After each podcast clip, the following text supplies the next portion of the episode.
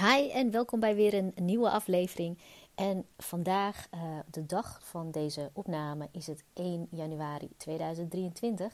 Dus als je nu uh, net aan het begin van het nieuwe jaar luistert, de allerbeste wensen voor 2023. En uh, in deze aflevering ga ik uh, zes lessen, inzichten met je delen van 2022 van mijzelf. Ik heb, uh, eigenlijk heb ik eerder voorgenomen om een aflevering hierover op te nemen. Maar eerlijk gezegd um, wist ik in eerste instantie niet zo goed wat ik daarover te delen had. Uh, ik had denk ik daar ook niet genoeg uh, voor de rust voor in mijn, in mijn hoofd. Um, maar vandaag dacht ik, ja, ik weet het wel. Ik heb het even voor mezelf genoteerd. Maar dat zijn dus zes lessen naar aanleiding van de dingen die ik in 2022 heb ondernomen um, voor mijn bedrijf. Uh, waar ik gewoon bepaalde inzichten en lessen uit heb getrokken. Dingen waarvan ik ergens natuurlijk ook wel wist uh, hè, dat, dat, dat dat zo is. Um, maar soms moet je gewoon in de praktijk dingen ervaren om het echt te weten. En voortaan ook mee te nemen in uh, je volgende stappen. Um, dus we gaan maar uh, meteen van start.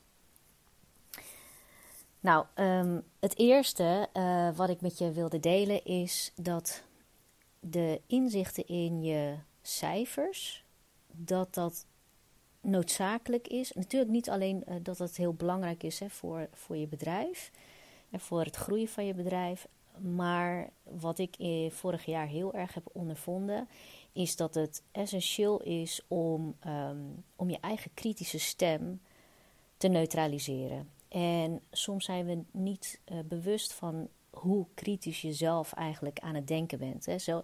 Zeker als je uh, uh, zelf onderneemt en, en niet uh, alles met iemand anders deelt over wat er allemaal in je omgaat. Dan realiseer je niet wat voor gedachten je eigenlijk soms hebt als er dingen gebeuren in je bedrijf. En dat die gedachten ervoor kunnen zorgen dat je eigenlijk geblokkeerd wordt in je consistentie in je acties. en ook je doorzettingsvermogen in dingen.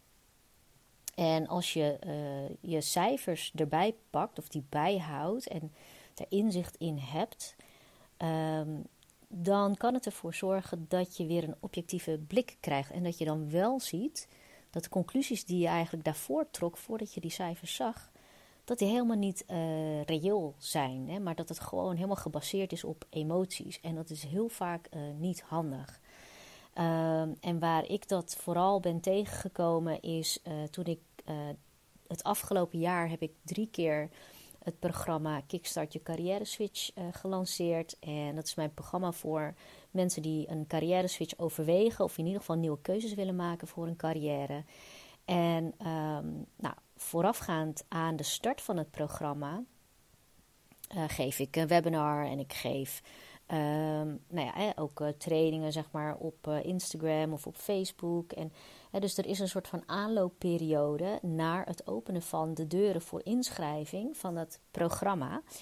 En um, ja, om dat zeg maar op touw te zetten, dat vergt nog best wel wat. Het vergt aan de achterkant best wel wat organisatie. Het zijn heel veel uh, handelingen, het geven van webinars, weet je, daar komt best wel wat bij kijken. En dat was dit jaar allemaal niet helemaal nieuw voor mij, omdat ik het jaar daarvoor heb ik dat ook gedaan, hè, dus in 2021.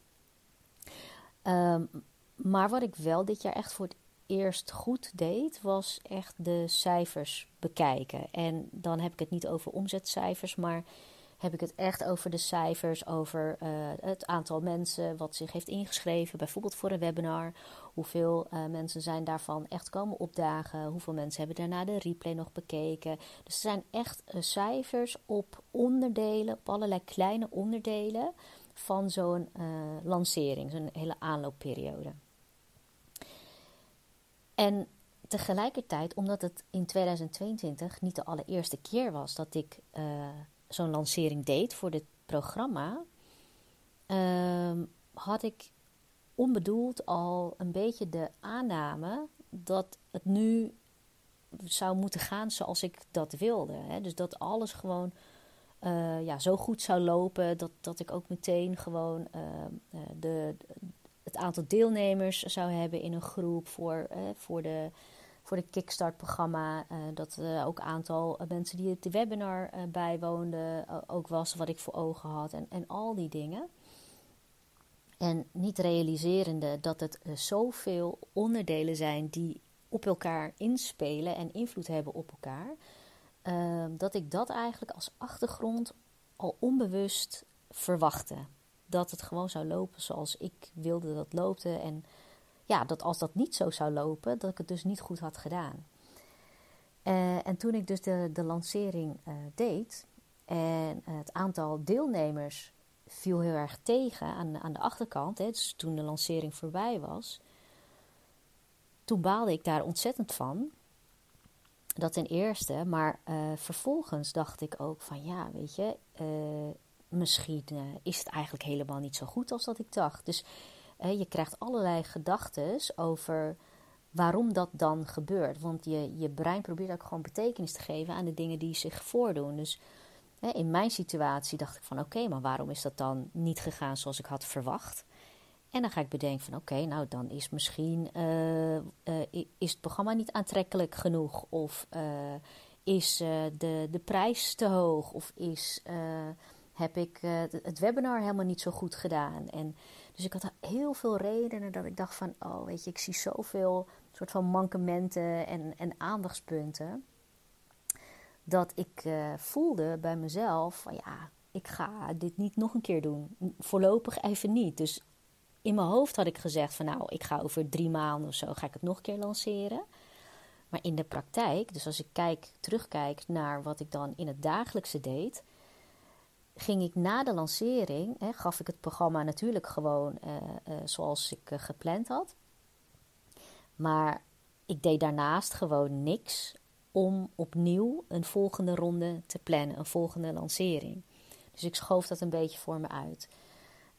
totdat ik dat wel inzag dat ik dat aan het doen was. En nou, toen heb ik ervoor gezorgd dat ik dat in ieder geval had uitgesproken in een groep van ondernemers waar ik in zit en uh, waar ook uh, mijn eigen business mentor uh, dan in zit en, en, verschillende coaches die je daarin ondersteunen.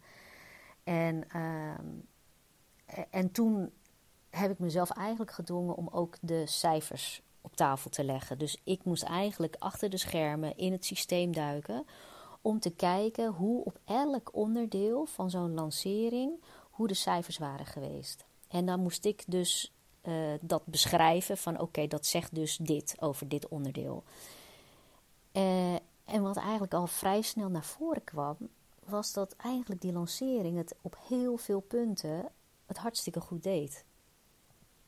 Maar dat er gewoon kennelijk nog iets is, misschien of in de communicatie, of nou ja, het, het, kun, het kan iets heel kleins zijn, waardoor de uitkomst niet is zoals ik dat had verwacht of zoals ik dat graag had gewild. En, en dat is ook een hele belangrijke, en ook de acceptatie van het feit dat je gewoon niet weet wat aan de andere kant speelt bij iemand die wel geïnteresseerd is, maar zich niet heeft aangemeld. dus er blijft altijd een uh, onzekerheidsfactor in zitten, uh, waar jij gewoon niks aan kunt doen. Uh, en dat is ook gewoon een stukje acceptatie. Maar het belangrijkste in dit hele proces is doordat ik die cijfers uh, oplepelde en het, daar verslag over deed voor mezelf en dat ook heb gedeeld in de groep, uh, zag ik heel duidelijk van hé hey, wacht even, dit is gewoon goed, maar nog niet genoeg. Dus ik, ik moet gewoon nog een keer lanceren en nog een keer. Dus ik begon het zo langzamerhand echt te zien als van ja, ik heb het weliswaar eerder gedaan, dat lanceren, ook in 2021. Ehm, maar dit is iets wat je gewoon echt vaker moet doen en misschien wel gewoon vaak moet doen. Uh, om al die onderdeeltjes soort van echt kloppend te krijgen. En dat dat goed, gewoon goed aanhaakt op elkaar. Hè, dus dat is voor mij een hele grote les geweest in dat je die cijfers, die zijn zo belangrijk om je emotie uit het spel te halen. Want wat doet die emotie namelijk op het moment dat je gaat afvragen van oké, waarom is iets niet gelukt of anders gegaan dan je eigenlijk had gewild uh, en verwacht?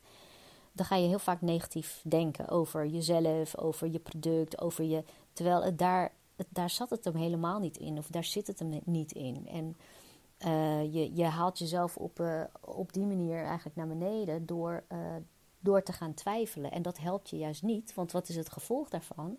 Is dat je het niet nog een keer wil doen. En dan zeg je, zeg je niet tegen jezelf: ik ga het niet nog een keer doen, want het is zo tegengevallen. Nee, je overtuigt jezelf vanzelf dat je misschien geen tijd hebt ervoor, of dat het niet werkt uh, voor je, of dat, uh, nou ja, weet je, dat het niet bij je past. Of, er zijn zoveel redenen die je zelf kunt aandragen en wat je ook vanzelf doet. Uh, om jezelf een goede reden te geven het niet nog een keer te proberen. Terwijl dat het hele spel is juist dat je het gewoon vaak moet doen om er beter in te worden. Om, om te zien van hé, hey, maar dit stukje, dit loopt goed, maar eigenlijk hier kan het, hier kan het misschien wat scherper. En hier, hier kan het misschien beter qua communicatie in de e-mail of, hè, of op de website. En, uh, en, en dat is een hele belangrijke uh, les voor mij geweest. Door, nou ja, door naar die cijfers te gaan kijken. Dus de eerste is naar je cijfers kijken om je eigen kritische stem, eigenlijk de, uh, te neutraliseren. Het tweede, um, wat ik als les heb meegenomen uit, uit 2022, is dat je eerst gewoon moet doen. Eerst doen en dan bijsturen en verbeteren. Um, nou, is het eh, is het denk ik in mijn geval vaak zo dat ik best wel snel besluit om iets gewoon te doen en dan ga ik het gewoon doen. Uh, maar soms uh, heb ik ook wel de neiging om er heel lang over na te denken. Dat gebeurt mij nog steeds wel eens. En eigenlijk is dat echt een.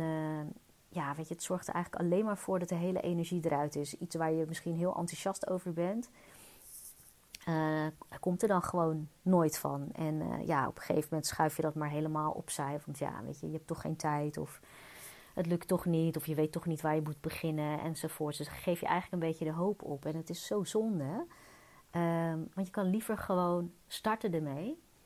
Uh, zonder de verwachting te hebben dat het meteen perfect is. Want dat kan gewoon niet. Want je perfectioneert terwijl je gaat. Hè? Dus dan moet je al begonnen zijn en gewoon doen en leren en, en aanpassen.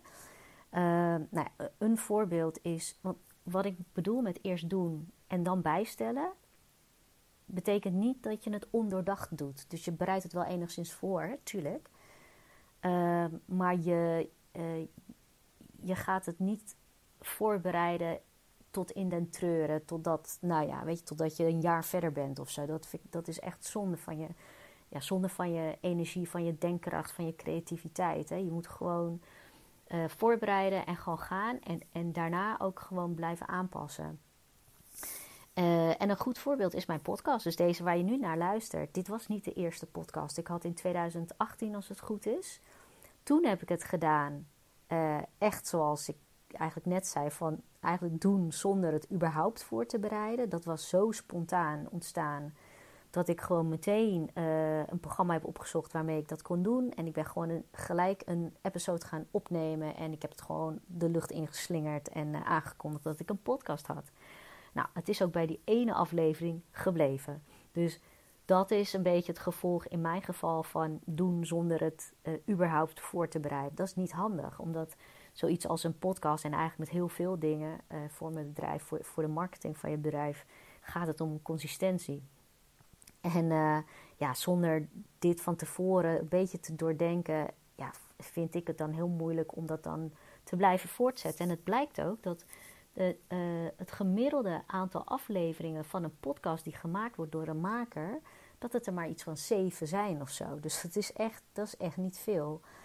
En uh, nou, omdat dat dan in 2018 een soort van mislukt is, omdat het bij één episode is gebleven, heb ik jarenlang heb ik er wel nog aan gedacht, omdat ik het wel heel graag al wilde. Um, maar gewoon niet serieus meer bedacht van ja, ik ga het nu weer doen of zo. Nou, totdat dit jaar, 2022. En um, nou, dat, de, het thema podcast dat kwam uh, voorbij tijdens een uh, training die ik volgde. En toen dacht ik van ja, ik ga dit jaar doen. En toen dacht ik van nou, weet je, ik ga het nu wel voorbereiden. Uh, en ik heb er toen voor gezorgd dat ik eerst iets van zes afleveringen zou hebben. en mijn volledige focus is ook echt op consistentie. Dus ik, ik ga er ook echt voor dat ik het komende jaar gewoon twee wekelijks, nou nu doe ik het wekelijks, hè, dus twee wekelijks of wekelijks een aflevering publiceer. Want ik wil daar ook gewoon een ritme in krijgen. Dat het gewoon ja, ook makkelijk wordt om gewoon uh, te delen wat ik te delen heb. En zo gezegd, zo gedaan. En zo is in volgens mij september is deze podcast ontstaan. En um, ja, weet je, dat, dat was niet ontstaan als ik niet gewoon ging doen. En ook al heb ik het wel voorbereid, waar ik heel snel actie heb ondernomen, is het eigenlijk door het aan te kondigen zonder dat ik het nog, nog maar iets aan had gedaan. Dus ik had het besluit genomen om een podcast te willen starten. En ik had bedacht van nou, zoveel tijd heb ik er ongeveer voor nodig. En nu ga ik het gewoon aankondigen. Dus ik heb iedereen op mijn e-maillijst gemaild. Uh, en volgens mij ook op social media gezet van joh, ik, ik ga een podcast maken. En uh, ik wil je betrekken in het proces vooraf. Uh, en zo heeft een groep van mensen die dat interessant vond, die konden zich daarvoor inschrijven. En daar heb ik gewoon van die audio berichtjes opgenomen terwijl ik eigenlijk stap voor stap aan het bouwen was aan de lancering van uh, mijn podcast. dus dat bedoel ik met eerst doen en, en dan bijsturen en verbeteren. dus nu dat ik iedere week een, een podcast aflevering maak, ja, let ik ook op van oké, weet je, waar, waar heb ik nog meer aandacht voor nodig? Wat kan beter? En, dus, maar ik verwacht ook niet dat die verbeterslagen binnen een paar weken gedaan zijn. Hè. Ik bedoel, ik denk dat het juist heel sterk is als ik er gewoon voor ga dat ik nou, 100, zeg maar 100 afleveringen maak. Ehm, zo goed als ik kan. En, en onderweg gewoon stappen maak in het steeds uh, beter maken en verbeteren van de kwaliteit van, uh, van de podcast. Uh, waarbij ik echt als prioriteit heb gesteld dat ik het en consistent kan blijven doen, met plezier kan blijven doen, want dat vind ik wel belangrijk. En dat eigenlijk nou ja, ondergeschikt, het is voor mij minder belangrijk dat de geluidskwaliteit echt super goed is. Want ja, dat kan je zo gek maken als je wil. Je kan je tegen laten houden door de techniek daarachter. Dat je misschien de spullen er net niet voor hebt enzovoort. Maar nou ja, ook deze aflevering, deze aflevering doe ik bijvoorbeeld met de telefoon. Heel vaak zit ik achter mijn bureau wel achter een, een podcastmicrofoon. Ehm, maar dat is het ook. Ik bedoel, ik weet dat ik eigenlijk het nog beter kan maken door misschien met die microfoon in mijn kledingkast te gaan zitten, omdat nou, de akoestiek daar beter is. Maar uh, voor mij is dat goed genoeg als ik op dat moment gewoon maar uh, deel wat ik te delen heb en, en dat dat gewoon uh, goed is voor nu. en ik weet dat over 100 afleveringen de kwaliteit beter is dan, dan die van vandaag. Ehm, maar zo, ja, zo moet het gewoon beginnen. Dus eerst doen wel doordacht en dan bijsturen en verbeteren. Dat was de tweede, tweede les van 2022. Eh, de derde, die ik heel belangrijk vind en ik ook wel vaak ehm, ja, ook met mijn klanten deel, is de dingen leren zoals je die kunt leren van iemand die dat al succesvol heeft gedaan. om dan vervolgens het op je eigen manier te gaan ontdekken en te doen. dus als je van iemand kunt leren, wat het ook is, hè, of, of het nou gaat over beter verkopen, of je social media posts schrijven, of, of webinars doen, of het maakt eigenlijk niet uit wat het is. Uh, nou, in mijn geval heb ik bijvoorbeeld heel veel gedaan ook aan webinars geven. Om daar verbeterslagen in te maken. En, um, en het is daardoor, in mijn ogen, is het ook beter geworden. Uh, maar ik realiseer me ook dat nu ik al die, die stappen zeg maar, heb geleerd zoals het me aangeleerd is door iemand die het heel goed kan, uh, weet ik ook van ja, weet je, niet alles uh, past misschien goed bij me. En wat dan precies wel goed past, is ook een beetje een ontdekkingstocht. Sommige dingen spreken dan misschien voor zich. En andere dingen is ook gewoon een kwestie van het gewoon doen, uitproberen en dan evalueren. En dan kijken van oké, weet je, waar voelde dit goed voor mij en waar, waar uh, kwam het ook goed over? Hè? Want dat vind ik dan belangrijk, want je doet zo'n webinar of hè, uh, nou ja, wat het ook is, een live uitzending of zo. Dat doe je natuurlijk om de juiste mensen ook te kunnen bereiken. Dus het moet ook gewoon uh, kloppen aan twee kanten. en dat kun je natuurlijk ook merken aan de reacties die mensen teruggeven, de feedback en, en ook het gevoel gewoon daarbij. Um, dus dat is iets wat tijd kost ook, maar wat ook vooral kost dat je het vaker doet. En dat je je niet laat tegenhouden door, doordat je net iets nieuws hebt geleerd en dat je dan meteen zegt, nou dit past niet bij mij. Dus de methodiek past niet bij mij. Of een webinar geven past niet bij mij. Of, want het zit hem vaak niet in dat instrument, maar in de manier waarop je het doet. En ik vind het juist wel waardevol om het exact te doen zoals je het geleerd krijgt van iemand die het goed kan. Omdat je daarmee wel inzicht krijgt in de werkelijke uh, kern van het succes van iemand als je, uh, als je ziet en je krijgt uitgelegd van, nou ja, dit is wat je doet, of dit is zoals ik het doe, uh, en, en, en, dan doe je dit hier en dan doe je dit daar.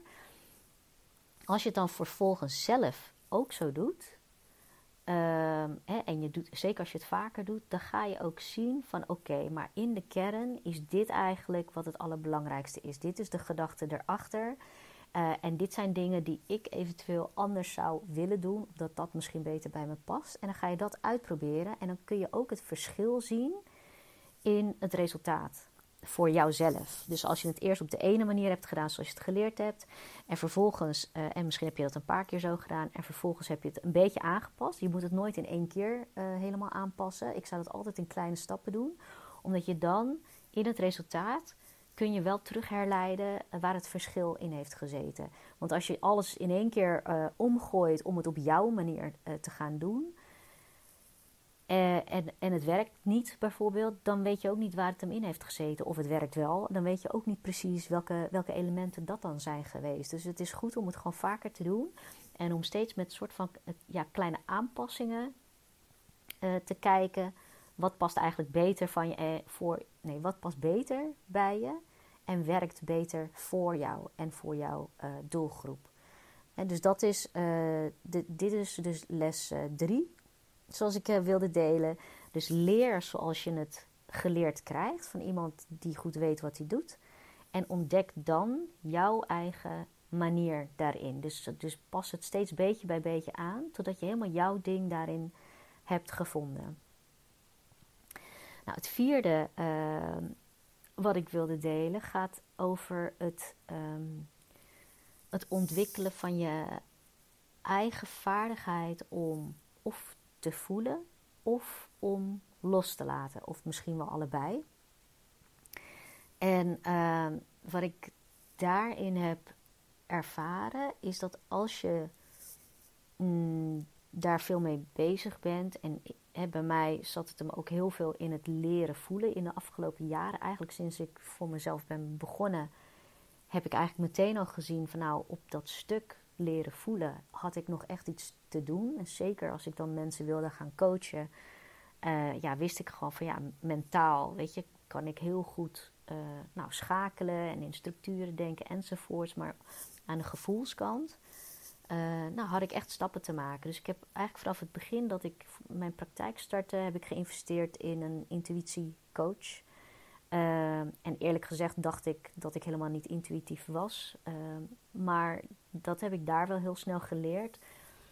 Dat ik dat wel was, maar het gewoon verleerd was om het te herkennen. En, en toen ik het eenmaal ging, een beetje ging herkennen, weet je, dan heb je de stap te maken om um, daarop te leren vertrouwen vaker op te leren vertrouwen. Maar dat leren voelen is heel gelaagd. Hè? Dus dat, dat begint met, uh, uh, ja, met, met bepaalde dingen die overduidelijk zijn, waarbij het gevoel misschien wat, uh, wat intenser is.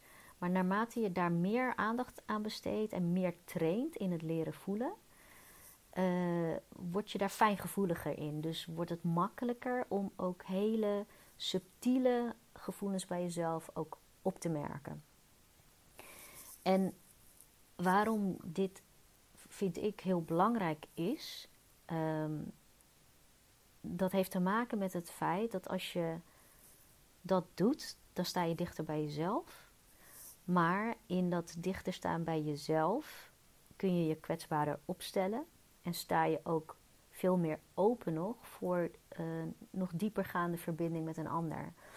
Uh, en, en dat is denk ik uh, het meest waardevolle ook daaraan. Um, en wat ik daarin gemerkt heb, is dat dat dus ook doorcijpelt. En ik denk dat dat voor, nou ja, weet je, voor de meeste mensen om je heen niet eens merkbaar is misschien. Maar ik merk het wel in de manier waarop ik bijvoorbeeld voor een groep sta. Dus ik heb ook echt het moment uh, gevoeld dit jaar, afgelopen jaar. Toen ik voor een groep stond. En wat ik heel vaak heb gedaan in de afgelopen jaren. En wat ik ook niet meer uh, eng vind. Hè. Ik, daar zit gezonde spanning op, maar ik vind het niet meer eng. Maar uh, ik, heb, ik heb het altijd wel heel erg moeten hebben van uh, ook een hele goede voorbereiding. Dat, dat scheelt bij mij heel veel. Maar ik heb het moment gevoeld waarbij ik voor de groep stond en ik in één keer de verbinding echt voelde met het publiek. En dan gewoon echt, terwijl ik aan het praten was uh, en de connectie kon maken met de mensen om me heen, maar ook met mijn eigen gevoel op dat moment. En, en, en dat stukje, daarvan ben ik echt heilig van overtuigd dat dat er echt een andere kwaliteit geeft aan uh, de effectiviteit van je communicatie. Uh, en daarom vind ik ook het leren voelen super belangrijk uh, in mijn vak als coach, maar ook gewoon in, ja, weet je, in, in verbinding tot een ander. Of je dat nu voor je werk doet of of niet. Want dit, dit is natuurlijk niet alleen maar als je voor een groep staat, maar ook gewoon in de één op één gesprekken.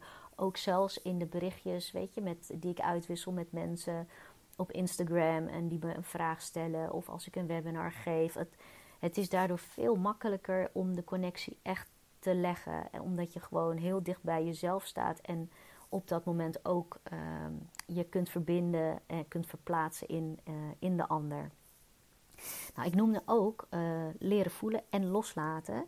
Uh, want loslaten is weer de andere kant. Kijk, misschien ben jij wel iemand die niet zozeer moet leren voelen. Um, uh, maar misschien heb jij nog wel meer aandacht te schenken aan het leren loslaten. Dus misschien voel je hartstikke intens. Bij mij was het altijd minder intens en dat wordt steeds intenser. Dat is nu makkelijker voor mij. Maar Misschien zit hem bij jou juist in het doorschakelen. Dus het mentaal doorschakelen in plaats van dat je verzuipt in, uh, in je emoties. Uh, en ik denk dat dat, dat uh, leren loslaten heel belangrijk is, omdat je je realiseert dat jij niet je emoties bent. En dat jij niet je gedachten bent, omdat je dat ook van een afstand kunt observeren. En dus als je ehm, iets van uh, frustratie of uh, teleurstelling uh, voelt, dat je dat ook kunt observeren als van oké, ik heb dus kennelijk nou, deze gevoelens en deze gedachten bij een bepaalde uitkomst van iets wat ik heb gedaan. Um, maar ik kan ook gewoon dit weer loslaten. En, gewoon weer neutraal eigenlijk weer verder gaan. Net zoals ik eigenlijk hiervoor al beschreef met wat het eigenlijk deed om naar de cijfers te kijken, dat trok ook die emoties eruit. Omdat ik dan in één keer door een andere bril kon kijken naar, naar de situatie. En dat ik me realiseerde van hé, hey, maar dat is gewoon. Uh, mijn blik op dat moment was gewoon negatief.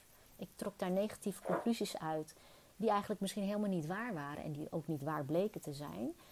Ehm, maar door die cijfers kreeg ik eigenlijk een andere blik erop en, en werden die emoties eigenlijk geneutraliseerd. Ja, en hetzelfde gebeurt dus eigenlijk als je uh, leert om uh, dingen los te laten. Door eigenlijk in te zien dat jij, jij de baas bent over je emoties. En dat jij zelf de baas bent en de regie hebt over je gedachten. Oh, je hoort mijn hond op de achtergrond krabben. Oh. Uh, dus dat is waar uh, leren loslaten uh, over gaat en waarom dat zo belangrijk is. En leren voelen. De vijfde is um, bij een ander laten wat bij een ander hoort. En, en misschien herken je dat wel, dat als je iemand probeert te helpen, en nou ja, je, je gaat het gesprek aan en weet je, je, biedt jouw dienst aan of je product. Ehm, en iemand investeert daarin, maar doet daar niet mee wat hij ermee kan doen. Dan kan je de neiging hebben, en daar, heb ik ook wel eens een handje van, dat je dan uh, eigenlijk nog meer wil doen om de ander zo ver te krijgen dat hij het optimale haalt uit jouw dienst. Uh, en dat is echt een valkuil. Uh, en het, ja, het stomme is dat je natuurlijk weet dat ik als coach kan helemaal niet de, de dingen doen voor jou. Ik kan faciliteren dat je het doet. Maar als je het niet doet, dan is dat, ja, dan is dat aan jou. Hè? Dus het is net als dat een personal trainer de push-ups niet voor jou kan doen. Kan ik dat ook niet voor mijn klanten. En um, ik heb die neiging wel. Eh, en omdat ik me daarvan bewust ben, kan ik mezelf daar ook wel weer van onttrekken. Dat ik het dan wel loslaat.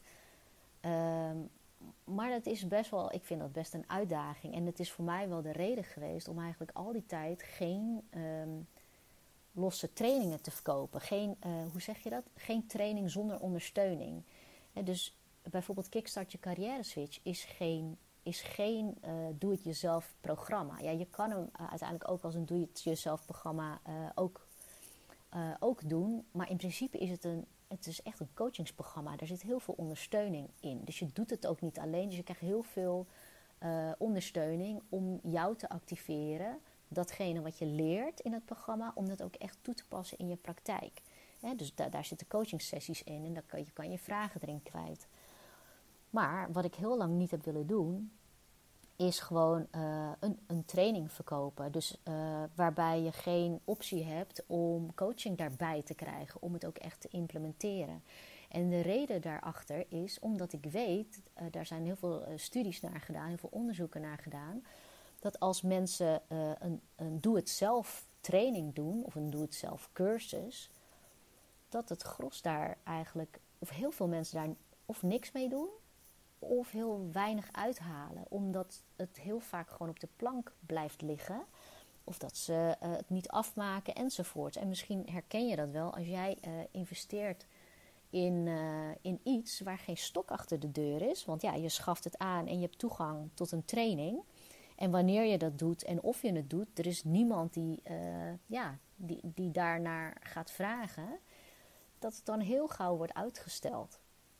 En uh, ja, om die reden wilde ik het gewoon niet aanbieden. Want ik, ik wil juist mensen helpen om daadwerkelijk die stappen te zetten. Uh, om hun hart te gaan volgen, om uh, het bedrijf te laten groeien zoals ze willen, of om hun, hun, carrière switch te maken. Ik wil niet dat mensen wel inzichten krijgen van een training en, en daar niks mee doen, of überhaupt niet openen. Dat vind ik gewoon jammer. En toch kwam dit jaar daar een omslag in, omdat ik daar gesprekken over had uh, met mensen die het wel aanboden. En, uh, en toen dacht ik in één keer van ja, eigenlijk zit daar ook wel een punt. Het is natuurlijk niet, uh, het is niet aan mij om te bepalen wat je ermee doet als ik zo'n training aanbied. Want als je besluit om dat te laten liggen en misschien voor over twee jaar of, uh, of je doet er helemaal niks mee of je, je, je pakt er één dingetje uit waar je dan iets mee doet en de rest niet. Dat is niet aan mij, dat is iets van de ander en dat is oké. Want wat ik ook heb gezien is dat zelfs de dingen die ik gratis geef, dus de e-books en de videocursussen, ik krijg daar nu ook berichten van mensen die gewoon echt een ander pad hebben gekozen met behulp van mijn gratis aanbod. En dat is natuurlijk, de meeste mensen hè, hebben het misschien wel bekeken, maar het niet echt geïmplementeerd. Maar er zijn mensen die daar echt alles uithalen, dus zelfs uit de gratis dingen. En toen dacht ik, jeetje, weet je, wat, dat zou toch zonde zijn dat ik dan geen doe-het-zelf trainingen zou aanbieden, terwijl er altijd ook mensen zijn die er wel heel veel baat bij hebben. Uh, en dat uh, ook de mensen die daar misschien uh, één dingetje uithalen wat van waarde is, is ook prima. dus ik heb dat eigenlijk losgelaten door te denken dat, nou ja, dat ik het zonde vind als mensen het kopen en het misschien blijft liggen of heel lang blijft liggen of niet uit wordt gehaald wat, wat, wat ze eigenlijk hopen of wat ik voor ogen heb daarmee. Dat heb ik helemaal losgelaten, omdat ik zie van nee, ik, ik maak dingen en ik breng dingen om, om je te helpen stappen te maken. Uh, en, en hoeveel je dat doet en hoe je dat doet en, en, en in welke mate en in welk tempo. Weet je, dat, is, dat laat ik dan aan de ander over. Dus ik heb, om die reden heb ik dus dit jaar, ik denk drie cursussen, trainingen eigenlijk uitgegeven. Ik heb twee audiotrainingen vrijgegeven en een, een videotraining. Ja, en ik vind het echt, het is super om te zien dat, dat mensen daar wel mee aan de slag gaan. En ja, ik ben gewoon heel blij dat ik dat heb losgelaten. Want wat ik daarmee ook eigenlijk bied, is dat mensen ook op een laagdrempelige manier ook gewoon kunnen investeren in een training of een cursus van mij. Wat ze ook gewoon verder kan helpen in, in de fase waarin ze zitten. dus dat was ook een van de belangrijke inzichten die ik dit jaar had. Um, en als laatste, de laatste les, de zesde, is besluit snel op basis van waar je heen wil of wat je inspireert uh, en stroomlijn daarna. Dus eigenlijk ligt dat een beetje in de lijn van wat ik zei: van eerst doen en dan verbeteren. En, uh, maar ik heb het hier echt over de nadruk gaat dan hier ook over de, de besluitvaardigheid. Ik denk, maar goed, dat is, mijn, hè, dat is mijn kijk daarop. Ik denk dat het als ehm, ondernemer, maar eigenlijk ook wel, weet je, ook als je niet lekker eh, in, je, in je werk zit en je wil iets anders, gewoon het blijven uitstellen van een besluit. Hè, of je nou wel uh, er iets mee gaat doen of niet iets mee gaat doen. Dat is niks anders dan energieverspilling van jezelf. Het, is, het geeft alleen maar meer twijfel en, en ehm, het is alleen maar vermoeiend om daar lang over na te denken. En, uh, en als ondernemer vind ik al helemaal dat je juist stappen maakt door te gaan doen. Door te doen en bij te sturen. En dat het veel minder gaat over de juiste keuzes maken. Want weet je, uh, elke keus brengt je weer dingen uh, waar je mee verder kan komen als je, als je goed evalueert en als je bijstuurt. Um, dus daarom is dat snel besluiten is echt super belangrijk. En ik heb dit jaar heb ik wel voor mijn doen vrij lang nagedacht over het investeren in advertenties. Uh, en dat had te maken met uh, de, ma de, de grootte van de, de investering, uh, van de advertentie zelf, maar ook van het inzetten van een bureau om, om dat voor mij in te richten. en daar heb ik denk ik ik denk een week, één week over nagedacht of zo. Nou, misschien iets langer, misschien anderhalf week of zo. En dat vind ik eigenlijk al veel te lang. Nou, niet veel te lang, maar dat is al een beetje aan de lange kant. Um, maar ik ben blij dat ik dat besluit wel uh, heb genomen. Of ik het nou wel of niet ging doen. Maar dat je die knoop doorhakt en, uh, en gewoon ermee aan de slag gaat. of je, je verlost jezelf van het piekeren erover. Want dat is eigenlijk wat het is. Hè. Als je langer dan een week ergens na moet over na moet denken, of twee weken, dan gaat het al heel snel over piekeren. En wat je merkt is dat hoe langer het duurt, ja, hoe meer je eigenlijk je brein, je oerbrein het ook van je overneemt om gewoon de dingen te laten bij uh, zoals ze zijn. Want ja, dat is wat bekend is. Ook al ja, werkt het niet helemaal voor je, weet je, ook al zit je in een situatie waar je eigenlijk verandering in wilt, hoe langer je erover nadenkt, hoe groter de kans is dat je je besluit neemt op basis van ehm, ja, het behouden van wat is. En heel vaak is dat gebaseerd op angst voor het onbekende. En dat is eigenlijk wat ik in ieder geval niet wil doen. Uh, want daarmee, weet je, daarmee hou je het eigenlijk zoals het is, terwijl je het liefst verandering wilt op een bepaald terrein. En die verandering kun je alleen bewerkstelligen door nieuwe keuzes te maken. Dus dit is dus de laatste van de zes. Een hele belangrijke, denk ik, om mee af te sluiten. Dus even resumerend. ik heb dus zes lessen met je gedeeld van de afgelopen jaar. de eerste was dat door inzet van ehm, cijfers je emoties uit het spel worden gehaald. Omdat je kritische stem vaak de bottleneck is in jouw consistentie van je acties en je doorzettingsvermogen. En cijfers kunnen dat neutraliseren. Het tweede was eerst doen, wel doordacht, dus wel een beetje voorbereid, maar dan bijsturen en verbeteren vooral. Dus niet te lang over nadenken tot alles perfect lijkt en dan pas gaan. Want perfectioneren doe je terwijl je, uh, terwijl je bezig bent. Uh, het derde was leren zoals je het geleerd krijgt van iemand die daar veel van af weet. En dan gaan ontdekken hoe het voor jou het beste werkt. En daar je eigen weg in vinden en, en volgen. Het vierde is leren voelen en leren loslaten. En hoe enorm belangrijk dat is in um, je verbinding tot andere mensen, tot, nou ja, tot het spreken voor een groep. Ehm, is enorm belangrijk. En de vijfde is laat bij de ander wat bij de ander hoort. dus ja, ga niet invullen voor een ander wat hij ermee moet doen of wat hij ermee zou kunnen doen. Uh, maar laat dat ook echt daar. Uh, en handel gewoon zo goed mogelijk op het terrein wat echt van jou is om iets mee te doen. Um, en besluit snel, dat is de zesde, besluit snel op basis van waar je heen wilt of op basis van wat je inspireert. En stroomlijn daarna. En oh, uh, op basis van wat je inspireert, dat, dat vind ik zelf dan belangrijk, is dat daar altijd ruimte voor is. Voor de dingen die je, ja, die je niet gepland die je niet had kunnen plannen of niet had kunnen bedenken van tevoren, maar wat soms in één keer als een ingeving in je opkomt, uh, om daar ook meteen naar te handelen. En ja, dat moet je misschien niet doen met alles wat er in je opkomt. Ik denk dat dat juist niet zo slim is, zeker niet als je een eigen bedrijf hebt. Maar dat daar wel ruimte voor is, is voor mij persoonlijk belangrijk voor uiting van mijn creativiteit. En ook om gewoon uh, open te blijven staan voor, voor het ontdekken. Uh, en dat blijft toch iets magisch, dat wij gewoon gelukkig niet alles soort van van tevoren kunnen bedenken. Dat je best kunt bedenken dat, uh, nou ja, dat er een weg A en een B en een C is richting, richting Rome, zeg maar. Uh, dus meerdere wegen leiden er naartoe.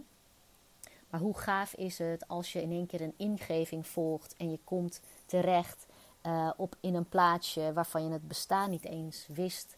Uh, en wat misschien uh, minstens zo gaaf is als de bestemming die je had bedacht. En om die reden vind ik het ook heel belangrijk om dat te blijven volgen. nou, en iets heel leuks, en ik kan daar nog niet zo heel veel over zeggen. maar doordat ik dat wel volg en de ruimte geef, nou, heb ik ook een, een samenwerking met iemand, met twee mensen zelfs, die ik binnenkort bekend ga maken. Daar kan ik nu niet zoveel over verklappen, maar het wordt echt heel, heel erg tof. Met een nieuw aanbod komen we dan samen. En ja, weet je, dat is ook gewoon ingegeven door een, een moment, een ingeving. Dat ik dacht van nou, ik ga het gewoon voorleggen. En, en, zo is dat eigenlijk ontstaan. Zo zijn we in gesprek gekomen met elkaar. En nou, zijn we gewoon super enthousiast over wat er komen gaat. Ook al is dat nog niet helemaal uitgekristalliseerd. Uh, dus daarmee wil ik ook deze aflevering afsluiten. Dat waren mijn zes lessen uit het jaar 2022.